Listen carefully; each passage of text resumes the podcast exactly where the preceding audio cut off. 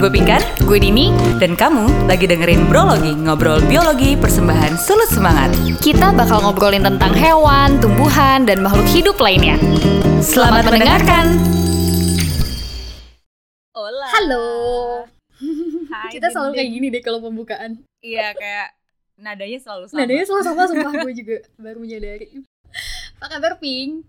Gue baik-baik saja, masih sehat walafiat, survive. Gue juga masih sehat alhamdulillah. Lahir batin insya Allah amin. Amin, amin, amin. Lo lagi di mana, Nich? Gue lagi di rumah hari ini.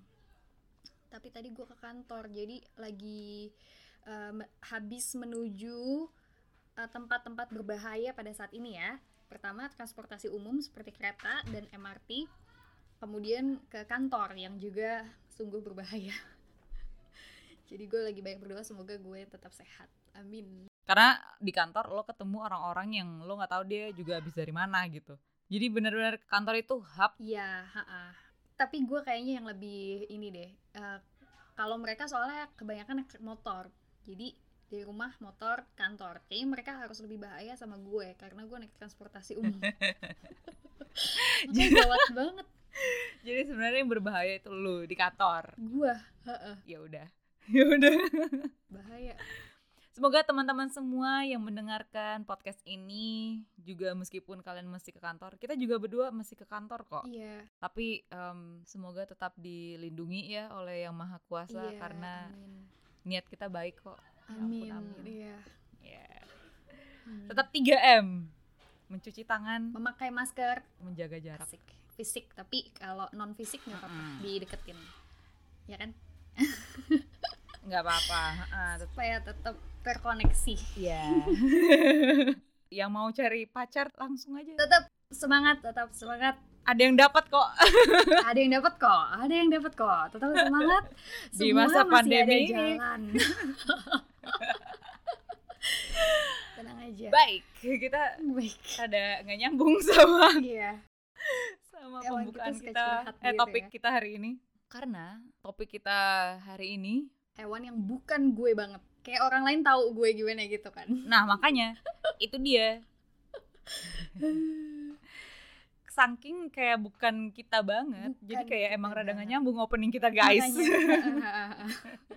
ini hewan yang memang gak banyak diketahui iya karena iya. hewan ini eh kenapa kita bilang ini bukan kita banget soalnya hewan ini penyendiri dan sukanya itu eh soliter gitu loh ke mana-mana sendiri gitu di tempat yang nggak ada apa-apa agak agak sombong agak sombong. iya iya iya introvert introvert Oh, Mungkin lebih ke introvert bukan mungkin ya. sombong tapi dia Mm-mm. jadi kalau ketemu yang lain tuh stres awkward gitu. aja socially awkward iya stres mereka energi abis ya ampun ya ampun kasihan iya energi habis. Nah, gara-gara dia soliter itu jadi susah dapet jodoh. Iya, makanya. Gimana nih? Eh, sebenarnya enggak juga ya. Extrovert juga susah dapat jodoh. Lah, malah juga. Enggak enggak, tapi kayak Iya. Ekstrovert mencoba memperbesar kemungkinan, ya kan? Oke, karena Nah, iya, kalau lebih ini- banyak ketemu orang mungkin ya. Ketemu orangnya. Iya, iya, iya. Kalau si Anoa dia introvert jadi dia agak susah mungkin ketemu jodohnya ya. Mm, mm, mm. Jadi kalau kalau emang nggak takdir, Kalau emang jadi dia emang perlu dibantu takdir.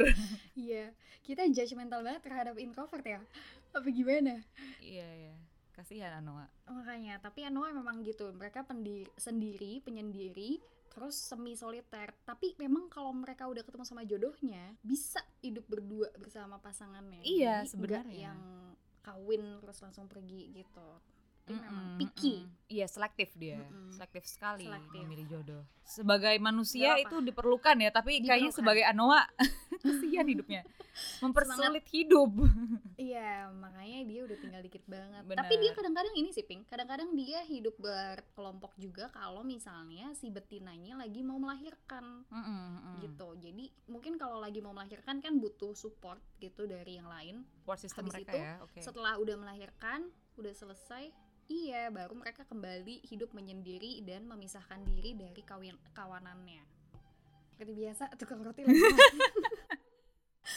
Kayak kita lama-lama perlu mengundang Iya, iya, iya. Kang Roti itu deh. tukang rotinya halo bang Baik. Iya Pink, jadi Hmm. dia abis si betinanya melahirkan, terus mereka berdua ya udah kembali hidup berdua aja Hmm. gitu. Tapi berarti mereka punya teman sebenarnya. Nah ya jadi ini em, hal inilah yang membuat si Anoa itu bukan cuman susah ditemui ya saat Mhm. monitoring, tapi ya susah berkembang biak gitu. Udah lama berkembang biaknya, terus eh, rate-nya juga kecil gitu, Iya dia setah dia, rate reproduksinya. dia cuma satu ya anaknya kalau misalnya hamil. Mm-mm, Terus hamilnya berapa lama dia? Hamilnya kalau nggak salah gue tadi udah catet nih 276 hari berarti 10 bulan Wow, 10 bulan gitu. Sembilan- Lebih lama ya sampai 10 dari bulan. iya Oh baik. jadi maksimal banget memang Nah ya gitu. Jadi kayak sekali Mm-mm, mm-mm, mm-mm, mm. udah jadi gini ini ini rada-rada domino efek udah dia individunya sedikit terus mereka susah gaul Ha-ha. terus sekali sekalinya gaul lama hamilnya iya. hamil dan melahirkannya. Ha-ha. gitu. Kayak ini nih temen lo aja kan yang penelitian Anoa tuh? Iya temen gue udah tiga tahun penelitian. Eh-eh, dia cuma ketemu sekali itu pun tahun terakhir. Lu bayangin ya lu penelitian sesuatu. Ya ampun. Tapi dia nggak pernah lihat wujud aslinya kayak Iya. gimana. Iya Jadi- iya ya ampun. Sungguh imajinatif. Gue nggak bisa tuh kayak Iya, gitu ya. makanya, makanya. Maksudnya itu kayak ironi ironis banget sih. Memperlihatkan betapa hmm, menyedihkannya kondisi populasi Anoa saat ini gitu. Tapi Ah-ah. ngomong-ngomong ya, ini Anoa ternyata di Sulawesi tuh ada dua ya. oh iya ada dua Heeh, ada dua yang satu ada di pegunungan yang satu ada di dataran rendah ya? dataran rendah. Heeh, tapi dua-duanya punya tanduk. Dua-duanya punya tanduk tapi tanduknya rada beda tuh yang satu. Yang satu runcing kayak kerucut, yang satu rada kayak ulkan gitu. oh gitu Agak tumpul gitu ya. oke tadi kita mungkin belum nyebutin si anoa itu bentuknya eh, kayak ini sebenarnya kayak kerbau tapi kecil Mm, mm, mm, mm. Karena dia genusnya bubalus. sekarang ada anak kecil lagi main Itulah kehidupan bertetangga. kehidupan bertetangga nggak apa-apa iya bu balus jadi mirip kerbau kalau kerbau kan eh, tanduknya agak ke belakang gitu ya tapi gede kayak sapi Mm-mm. Cuma kalau misalnya anoa itu kecil karena dia katanya tinggalnya di eh, Sulawesi itu kan lebih ke kepulauan jadi makanya dia jadi lebih kecil daripada kerbau yang lain yang ada di eh, dataran yang lebih luas kayak Jawa Mm-mm. Atau mainland Asia gitu kali ya. Dia kan dulu awalnya yes. dengar-dengar dari dari sana kan ya, pas sebelum masuk ke Indonesia, masuk ke Sulawesi. Mm-mm, gitu. mm-mm, mm-mm, mm-mm. Tapi tanduknya ta- kalau tanduknya kerbau itu buat apa, Din? nah ke- tanduk kerbau kalau kerbau beda Tanduknya Anoa tuh bedanya kerbau sama sapi. Kalau misalnya eh banyak banget kalau roti depan rumah gue kalau sapi itu eh, dia biasanya agak melengkung gitu ya. Kalau misalnya kerbau atau si anoa ini kan agak runcing. Dan sap- kerbau itu lebih agresif dibandingkan sama sapi kalau sapi kan ya dia Ah. diem-diem aja gitu kalau kerbau tuh agresif Mm, anoa mm. juga agresif mm-mm. jadi kalau misalnya dia mau atau ketemu sama musuhnya, itu dia menggunakan si eh, tanduknya itu untuk berantem sama musuhnya. musuhnya Anoa Tuh. Nah, musuhnya Noah siapa ya? Soalnya di Sulawesi kan nggak ada eh, harimau, ya kan? kayak apa ya, siapa Mak? ya musuhnya Noah? Mungkin temennya kali sesama Noah. Iya, iya sesama jantan memperebutkan memperebutkan teritori atau memperebutkan betinanya ya nggak sih? Iya, heeh. bisa jadi gitu. Soalnya nggak ada nggak ada Predator alami. lebih besar. Iya. Nah si tanduknya ini dialah yang menjadi inceran ya katanya. Inceran Yes. si Anoa di di apa tuh? Di diburu. di, eh, sama masyarakat diburu iya sama dagingnya sih soalnya mereka juga dimakan buat dagingnya makanya makin dikit aja udahlah dia susah beranak pinak susah ketemu pasangan terus susah Hmm. hamil dan udah gitu Mm-mm. diburu bahkan sekarang itu katanya cuma dikit banget pink cuman kurang dari 20 yang ya yang kedeteksi ya. Maksudnya kayak mendeteksi 20 aja itu udah udah untung banget. Pencapaian kali ya Iya benar. Sebuah prestasi. sebuah prestasi itu kalau nggak salah data ini bahkan tahun lalu punya tuh ya. iya 2019 Yang didapatkan di dari Taman Nasional Rawa Opa. Adanya Watu di Mohai. Sulawesi Gimana tuh? Tenggara. Oh, Iya. Sulteng. Tenggara. Memang Anoa itu Sulawesi adanya di Tenggara. Sulawesi Tenggara kan ya Hmm, kayaknya dia eh, distribusinya hampir widely distributed deh di, di Sulawesi. Sulawesi. Eh, soalnya populasinya tuh kalau nggak salah ada di Buton juga, well, Buton Sulawesi Tenggara juga. Cuman dia kan rada misah ya dari dataran mainland Sulawesi. Mm-mm. Sulawesi Tenggara itself, Buton, terus kayaknya populasinya ada di Sulawesi Tengah juga sama di Sulawesi Utara.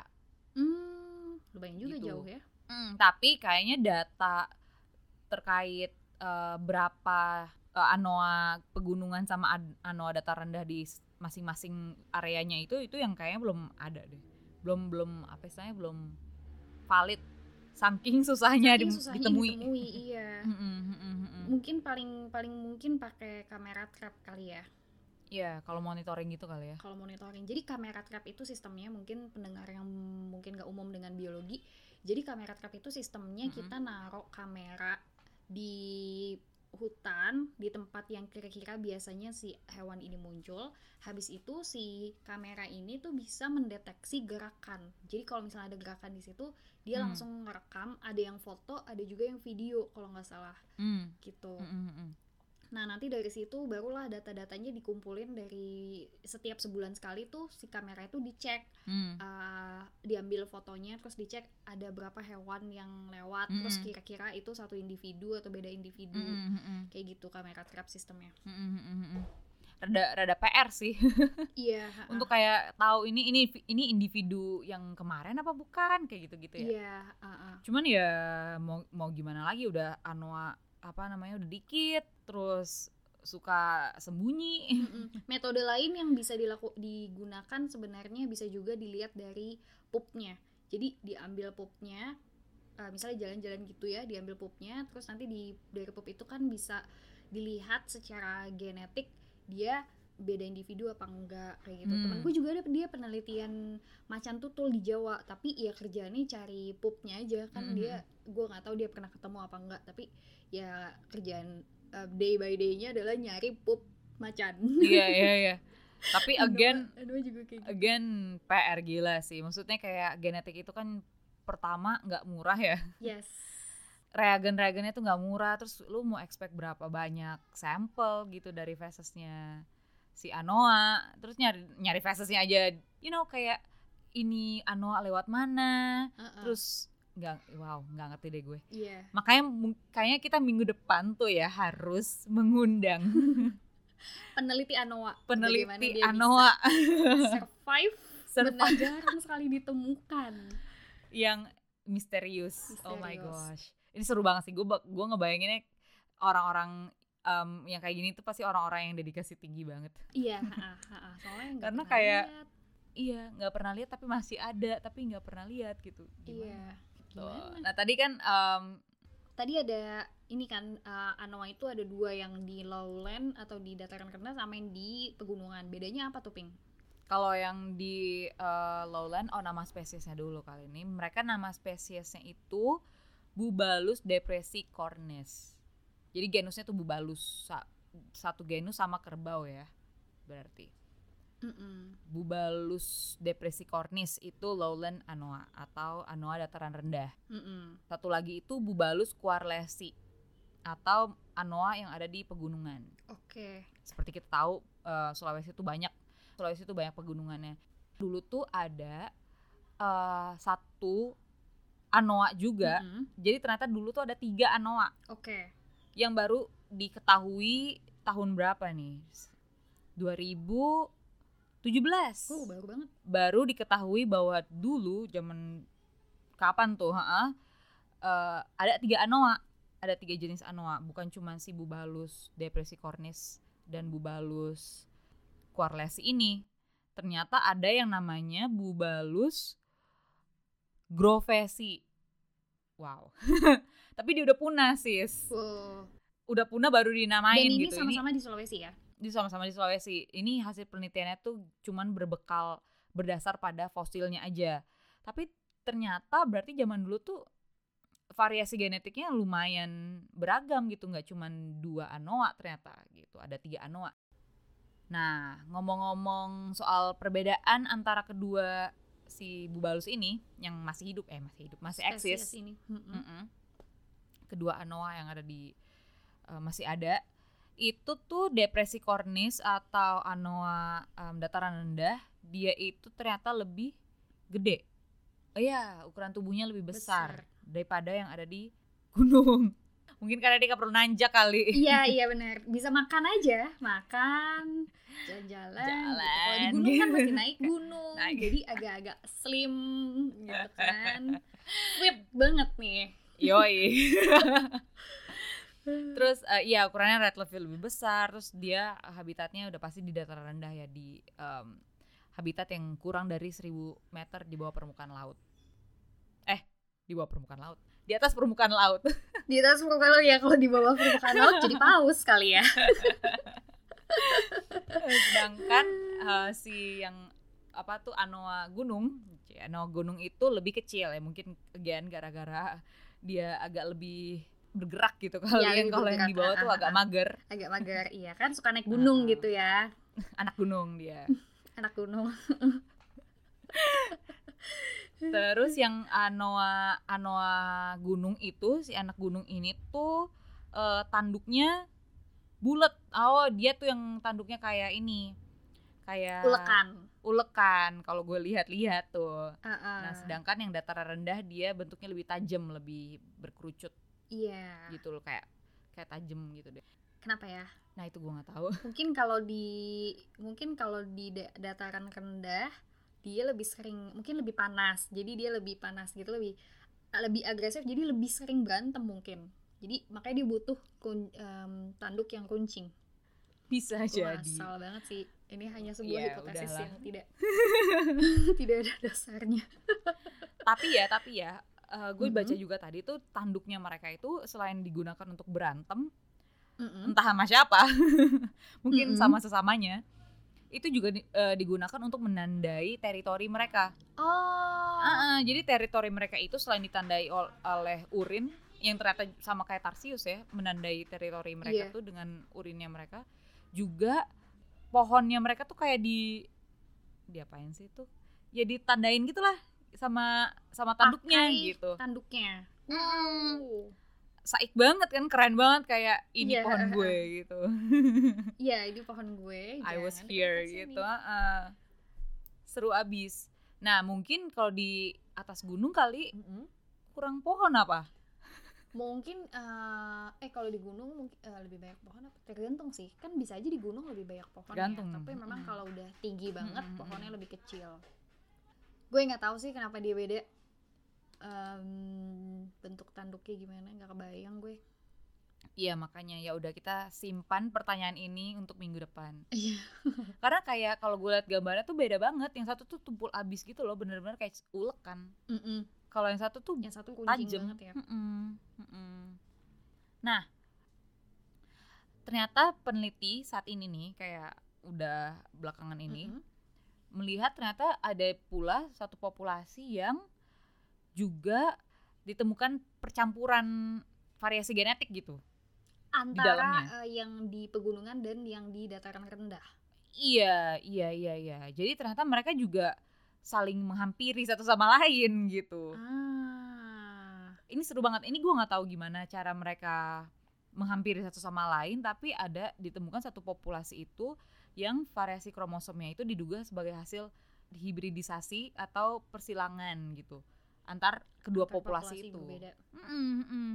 Jadi memang penelitian Meskipun long distance tapi tetap ada jalan ya. iya pasti ada jalan. Yang penting ada niat. Yes.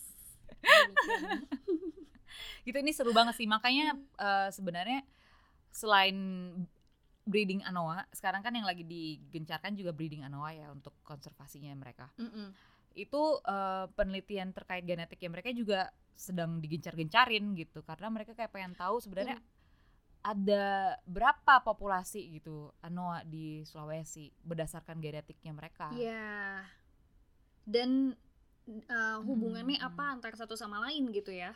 Betul, betul gitu. Gimana cara mereka saling bertemu?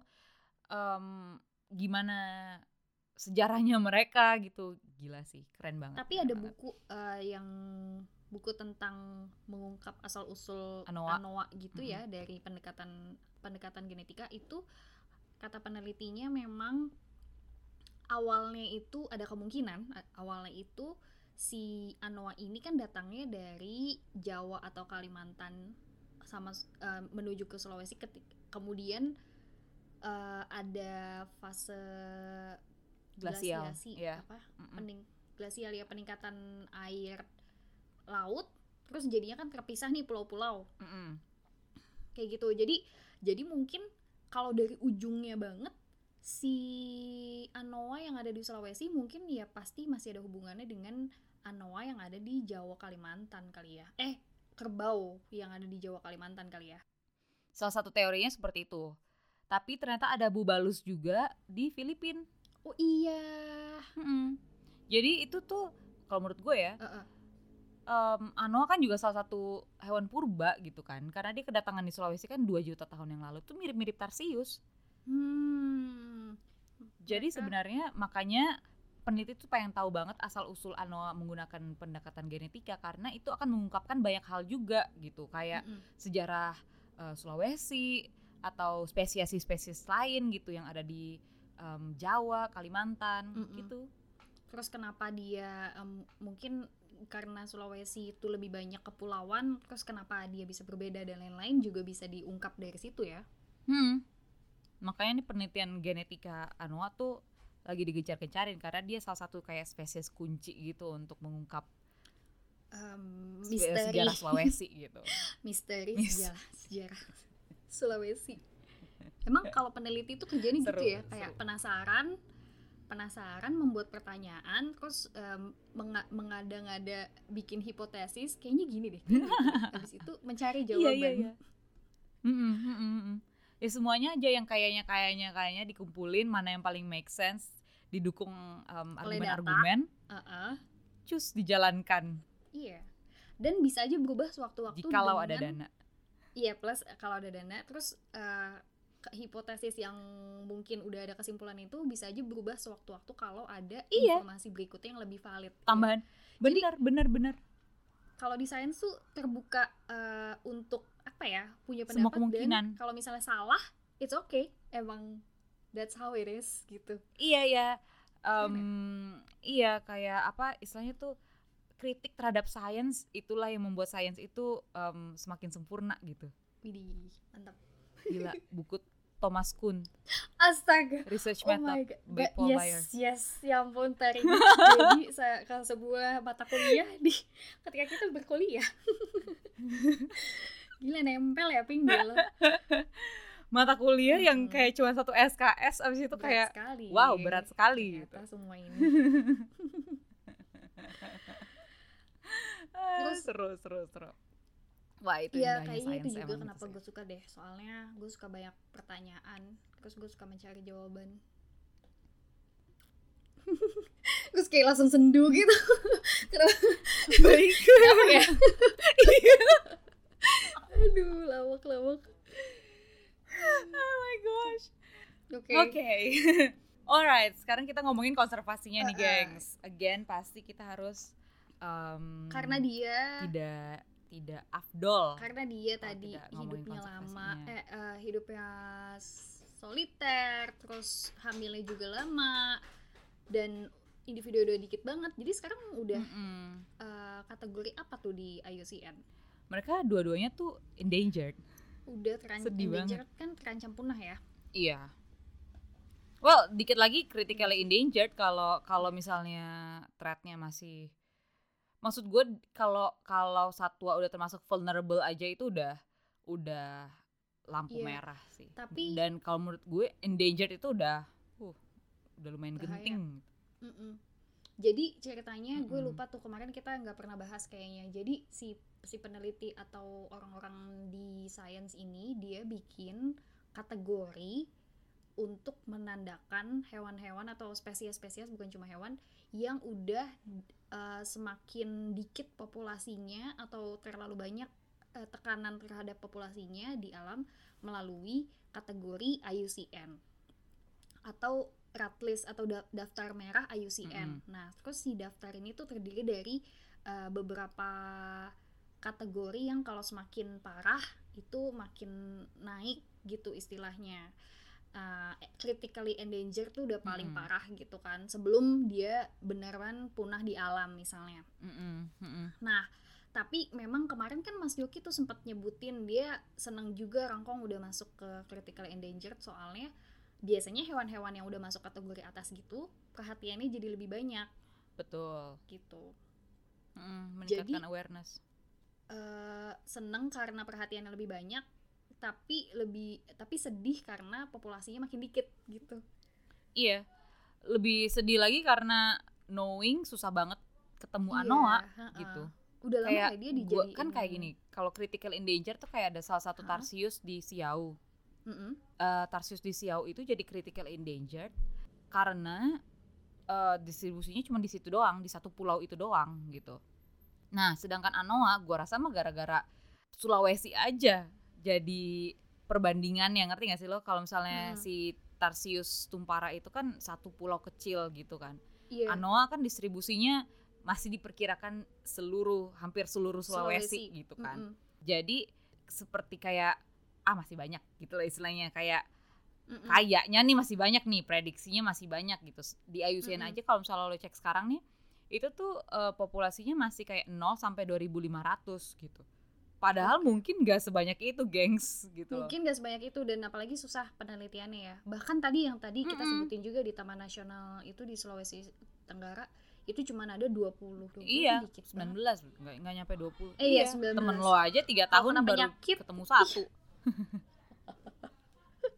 iya. iya kalau kena Gitu. penyakit bisa gawat tuh semuanya Lebih ironis lagi tuh ya di apa tuh em, eh, si Anoa itu tuh udah dimasukkan dalam daftar satwa dilindungi di Indonesia dari tahun 1931. Gila. wow udah dulu banget Itu bahkan kayak oma opa gue belum lahir. Iya, berarti zaman Belanda itu udah udah mereka juga udah sadar bahwa ini populasinya dikit ya. Hmm, populasinya dikit dan kayak em, warga istilahnya kayak eksploitasi kali ya, Mm-mm, makanya dulu mm-mm. dimasukkan ke dalam satwa yang dilindungi dari tahun-tahun dari tahun 1931. Gile. Iya, dan dia tekanannya memang Dari tahun segitu aja udah nggak ada perkembangan gitu. Iya. Atau mungkin Pink karena dia juga hidupnya sangat susah ditemukan, makanya dia masih bisa survive sampai sekarang ya. Udah hampir 100 tahun. Bisa jadi Jadi karena dia saking susah setelah dilindungi itu. Iya jadi setelah maksudnya dulu kan mungkin udah dikit gitu terus mungkin populasinya udah dikit terus susah diketemuin nah dia kita masih ketemu dia sekarang ya mungkin karena dia sensitif banget sama adanya manusia jadi dia bisa langsung kabur makanya dia masih ada tapi ya memang dikit dan tersembunyi dan dia jago banget eh, sembunyi gitu dari manusia makanya masih ada Bisa jadi, bisa jadi. Masih ada tapi dikit banget. Makanya kayak kad- maksudnya misterius banget gitu. Kita menduga-duga em, keadaan Anoa yang sekarang tuh kayak gimana ya? Cuman bisa duga-duga doang karena datanya aja tidak mumpuni. Heeh, tapi ada teman salah satu teman kita yang lagi mencoba untuk mem- melihat populasi ya sekarang kayak gimana gitu-gitu kan sama ngelihat Mm-mm. em, genetikanya dan penelitiannya masih terus berjalan sih. Yang besok mungkin kita Mm-mm. tanya tuh ke peneliti Anoa sekarang kebanyakan penelitian tuh tentang apa terus mm-mm. masih ada masih banyak apa enggak sih sebenarnya yang penelitian Anoa mm-mm, mm-mm. Terus kayak proyeksi ke depannya tuh kayak gimana? Harapan yang bisa kita pegang tuh seperti apa gitu untuk Ano untuk Anoa? Iya ha-ha, gitu. iya. Nah, karena udah tinggal dikit makanya mungkin itu ya dia uh, bikin yang tadi lu sebutin kalau nggak salah yang breeding itu dikawinin Mm-mm. sengaja ya? Mm, mm, mm. sengaja. Itu salah satu upaya konservasi ex situ sih. Dan kayaknya dilakukan juga di beberapa BKSDA di Sulawesi Utara. Eh Sulawesi ya kes- secara keseluruhan. Dan gue denger dengar sih berhasil gitu. Project eh, breedingnya. Wow. Anoa breedingnya. Wow bagus juga. Ya bagus lah ya. Terus biasanya untuk men supaya populasi anoa ini lebih bagus atau lebih meningkat atau setidaknya stabil lah gimana tuh upayanya? Kayaknya selain selain apa tuh em, usaha breeding secara ex itu yang konservasi secara ex situ again mereka yang setahu gue em, penelitian yang lagi dilakukan nih saat ini genetiknya gara-gara again taksonomi itu membantu untuk manajemen konservasi ya kayak kalau misalnya spesies ini siapa tahu bisa jadi tidak cocok dengan konservasi manajemen konservasi spesies Mm-mm. lainnya gitu meskipun mereka tuh berdua kayak mirip gitu Iya. atau ternyata dalam satu populasi itu ada dua spesies yang berbeda yang kita nggak tahu gitu itu yang lagi yang setahu gue yang lagi dilakukan yang lagi digalakan sekarang ini sih untuk si Anoa Iya. Sama yang pasti kalau misalnya habitatnya tetap terjaga atau disisain lah seenggak-enggaknya gitu ya buat habitat si anoa itu. Jadi anoa yang masih ada setidaknya masih tetap ada di di habitat aslinya gitu kan. Eh, salah satu pencapaian di penelitian Anoa itu ada yang sudah eh, sekelompok peneliti semuanya orang Indonesia keren banget Mm-mm. mereka berhasil eh, memetakan eh memetakan Me- mereka berhasil mensequence eh mendapatkan sequence full DNA mitokondrianya Anoa which is itu susah banget Mm-mm. Ah, Tarsius aja kayaknya belum ada deh full full mitochondrial DNA-nya itu penting banget karena kayak eh, lo bisa melihat gen mana Mm-mm. Yang ternyata evolution rate-nya tuh lebih rendah, mana yang lebih conserved, mana yang bisa lo gunain untuk DNA barcodingnya ANOA kayak gitu-gitu sih. Terus Mm-mm. eh, gen mana yang bisa lo lihat variasinya untuk melihat keanekaraan eh untuk melihat letak hibridisasi em, ANOA gitu sih. Itu sih menurut gue salah satu pencapaian yang terkeren gitu di Mm-mm. em, penelitian genetika ANOA dan itu semua orang Indonesia lagi yang bikin keren. keren. Itu gimana sih sistem mapping? Jadi di dalam sel kan ada si mitokondria itu kan yang penghasil energi. Terus Mm-mm. di dalam mitokondria itu ada DNA-nya. Ada DNA-nya. Yang bulat itu bukan sih? Iya, sirkular dia bentukannya. Mm-mm. Nah, itu kan eh, Kenapa mesti mitokondria, Ping? Nah, itu karena dia yang tidak dia yang selalu diturunkan dari diturunkan dari ibu. Mm-mm. Jadi dia tidak bercampur dengan em, kromosom dari si ayah. Jadi literally kayak istilahnya pure DNA gitu loh. Oke. Oh, dan ini memang umum ya dipakai kalau penelitian eh, kalau melihat sequence dari DNA suatu makhluk gitu. Kalau mau identifikasi ini spesies apa, Mm-mm. itu pakai DNA mi- mitochondrial. Oke. Mm-mm, karena Dan sequence itu artinya ini kan susunannya Susunan DNA. si DNA itu ada apa aja gitu ya. iya iya, ha, ha. susunan dari ya ACTG-nya. Gue jadi inget ini deh, kemarin sempat baca em, buat bikin vaksin COVID itu kan juga setelah eh, begitu udah begi- begitu ada peneliti yang bikin sequence si virus ini, maka para ahli vaksin jadi bisa bikin vaksin nih apa rencana bikin vaksinnya tuh gimana caranya setelah mereka punya si sequence itu. Iya. Mm, mm. Jadi sequence data sequence em, makhluk hidup tuh berguna banget. Mm.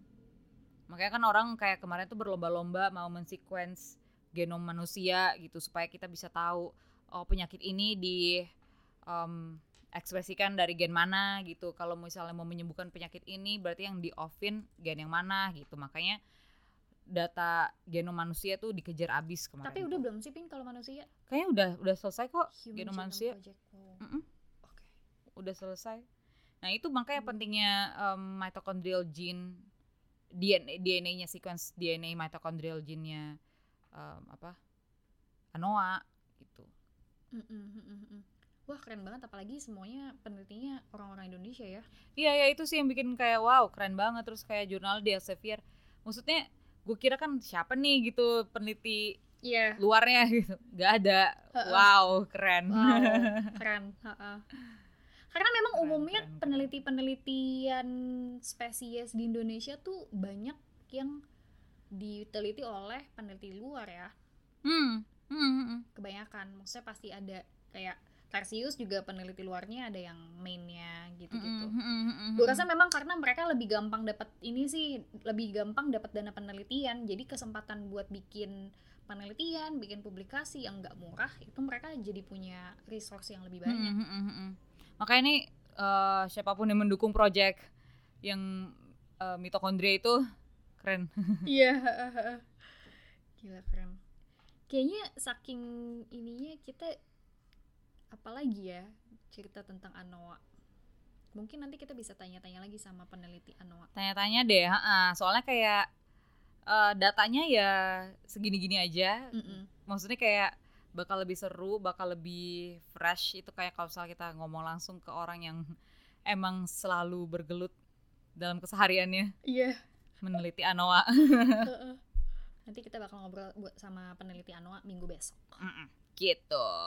Jadi minggu besok itu wow sudah mau Natal ya. iya. Gila, udah mau akhir tahun. Gengs, teman-teman yang akan pulang kampung, eh, bagi Anda yang merayakan maupun tidak, tapi ingin menikmati liburan ini di kampung masing-masing, tetap taati protokol kesehatan. Iya, heeh. Jaga jarak, pakai masker, cuci tangan sering sesering mungkin. Kalau kita di Jakarta aja ya, Ping ya. Lu di Jakarta aja. Gue Jakarta aja, sis. Gue juga. Gitu. Mumpung libur, gue pengen nggak ngapa-ngapain. Ya udah, tiduran aja. Iya, itu rencananya ya. Rencana. Gue ngide gue. Ya sudahlah untuk Jakarta yang lebih baik, kita tidak ke mana-mana. Selamat Natal bagi teman-teman yang merayakan. Iya, selamat Natal. Ping kan juga. Yay, thank you. Selamat liburan, selamat kalau tahun baru mungkin minggu besok nih kita bilangnya. Oh benar ya. Iya, seminggu lagi. Sampai, jumpa Sampai lagi minggu depan, besok. teman-teman. Oh, jangan lupa, jangan lupa, jangan lupa. Follow Instagram @sulutsemangat. Yes. Kasih tahu kita kalau misalnya teman-teman punya komentar tentang ngobrologi atau pengen punya pertanyaan tentang spesies tertentu gitu-gitu atau pengen nanya kabar kita juga boleh. Kalau kabar kita langsung japri aja sis iya, boleh. di Dunia, @dunia Dini dini. dan at non. Yes. Oke, terima kasih buat ngobrol-ngobrolnya Ping. Thank you Dins. Kita ketemu minggu depan. Dah. Dah. Bye teman-teman. Bye. Hey, thank you all so much for listening. This podcast is sponsored by the United States of America, Young Southeast Asian Leaders Initiative, Seeds for the Future 2020 grant, and Cultural Vistas. Music composed by Joseph Morris.